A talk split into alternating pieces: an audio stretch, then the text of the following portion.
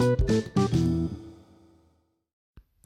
du hører nå Victorias lille podkast-test, og jeg sitter her med en mellomtrinnselev. Hva heter du?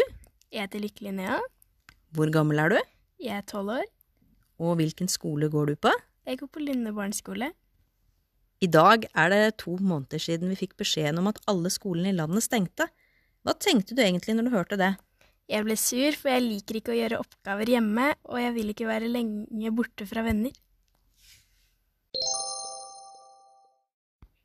Siden 12. mars har du altså hatt hjemmeskole. Hva syns du om det? Hvordan har kontakten med lærere og andre elever fungert? Og har du fått den støtten du trenger fra skolen eller hjemme for å mestre den nye hverdagen? Jeg syns det har gått fint, men det har vært lang tid uten venner, og jeg liker bedre å være på skolen i klasserommet.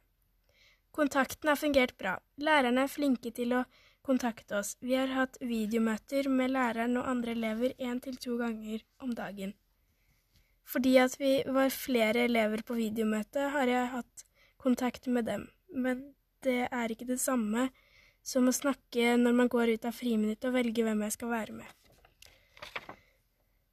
Men skolearbeidet har gått veldig bra. Lærerne har vært flinke til å forklare hvis jeg trenger hjelp.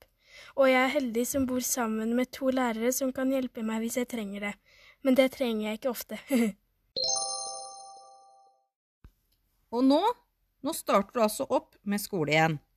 Hva tenker du om det? Hva tenker du om å bare skulle gå annenhver dag? For jeg skjønner det sånn at uh, dere som busses, ikke får reist alle elevene på en gang når vi ikke har flere bussplasser. Så hva tror du egentlig om skolestarten nå? Jeg tror det blir fint å starte på skolen igjen. Da får jeg hatt timer og sett læreren min og vennene mine. Jeg tror det skal gå fint å bare gå to dager i uka, men jeg skulle helst gått hver dag sånn som før, men to dager er bedre enn ingen. Så alt i alt så tror du det blir bra med oppstart igjen? Ja. Du vil ikke fortsette med hjemmeskole? Nei. Så skole er eh, toppen, altså? Ja, det er veldig bra.